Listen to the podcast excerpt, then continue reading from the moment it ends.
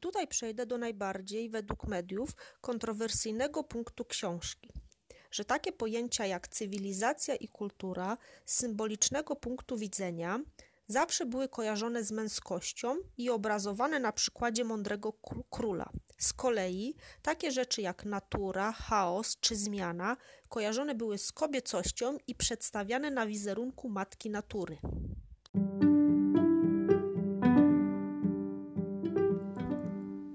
Tego programu jest uzyskanie motywacji oraz inspiracji w życiu codziennym. W momencie, kiedy uświadomisz sobie, że życie zaczyna się w chwili, gdy podejmujesz działanie, a Twoja praca ukierunkowana jest na osiągnięcie wymarzonego celu, Twoje życie zaczyna nabierać kształtów, o których od dawna marzyłaś lub marzyłeś. To jest podcast do celu, a ja nazywam się Joanna Kuruczaj-Liol. Nowe odcinki nadawane są w każdą sobotę prosto ze Stambułu. Serdecznie zapraszam.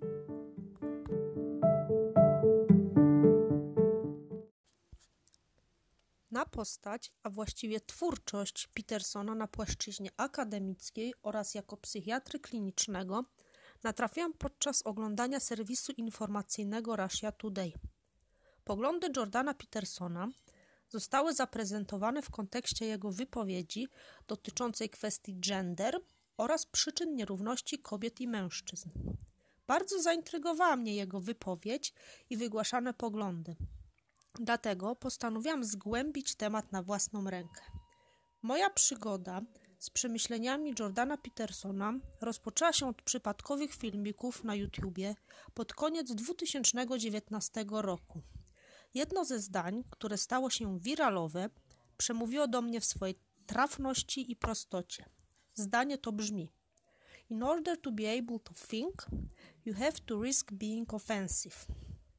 Odpuszczając sobie całą otoczkę medialną, które mainstreamowe media, a nawet premier jednego z państw skandynawskich, określił Petersona jako rasistę, seksistę, przeciwnika gender i równouprawnienia, postanowiłam przejść na bardziej adekwatny do wypowiedzi Petersona poziom, tak jak zdecydowałam, że jego dorobek jest wart głębszego komentarza i refleksji.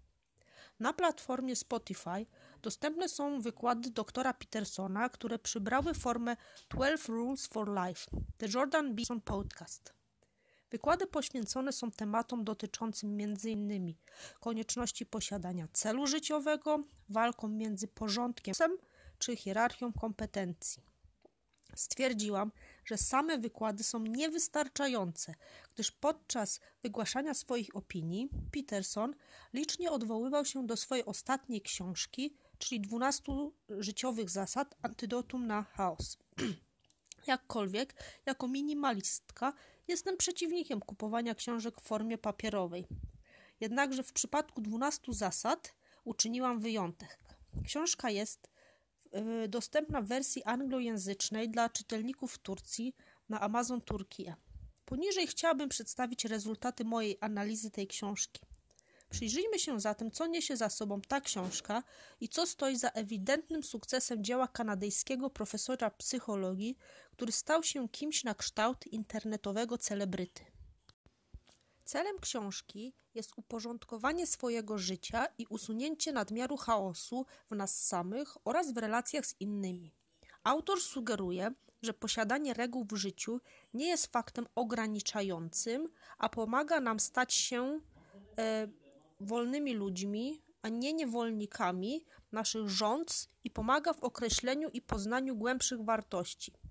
Przyglądając się tytułom zasad, można stwierdzić, że nie są odkrywcze. Hasła takie jak nie porównuj się z tym, kim inni są dzisiaj, a z tym, kim ty byłeś wczoraj, mogą brzmieć jak oklepane regułki. Jednakże dla Petersona tak określone hasła stanowią punkt wyjściowy do praktycznych narzędzi, które możemy użyć w życiu codziennym. Dobrym tego przykładem jest chociażby rozdział pierwszy: Pilnuj sylwetki, plecy proste, ramiona wyciągnięte.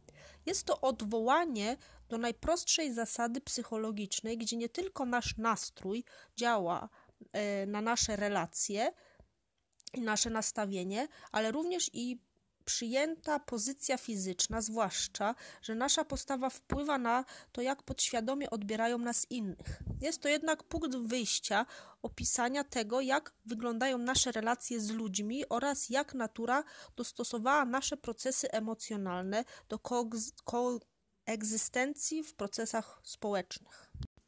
Książka oparta jest na badaniach naukowych i źródłach, co osadza ją w stabilnych ramach merytorycznych. Wszystkie idee są wzbogacone o koncepcje wielkich myślicieli i pisarzy takich jak Fryderyk Nietzsche, Karl Jung, Fiodor Dostojewski czy John Milton.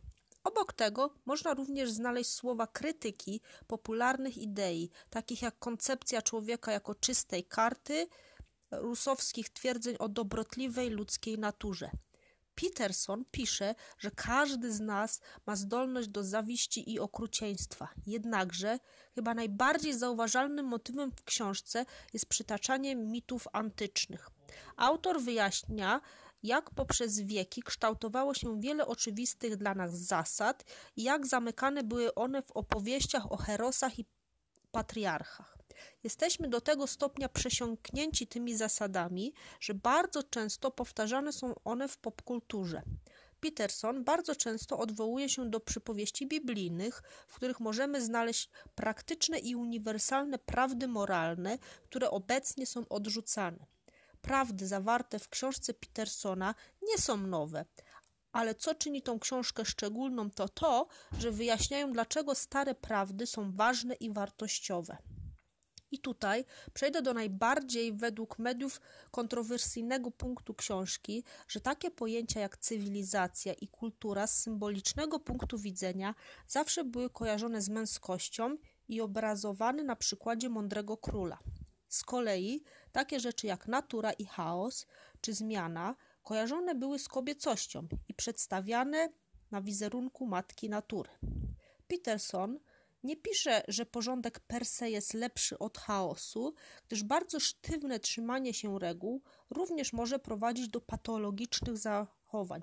Naszym celem życiowym nie jest szczęście, a zachowanie odpowiedniej równowagi między chaosem i porządkiem, co bardzo dobrze obrazuje symbol y, Jin Jang. Bardzo dziękuję za obecność podczas tego podcastu. Mam nadzieję, że się podobał i zapraszam za tydzień. Do zobaczenia.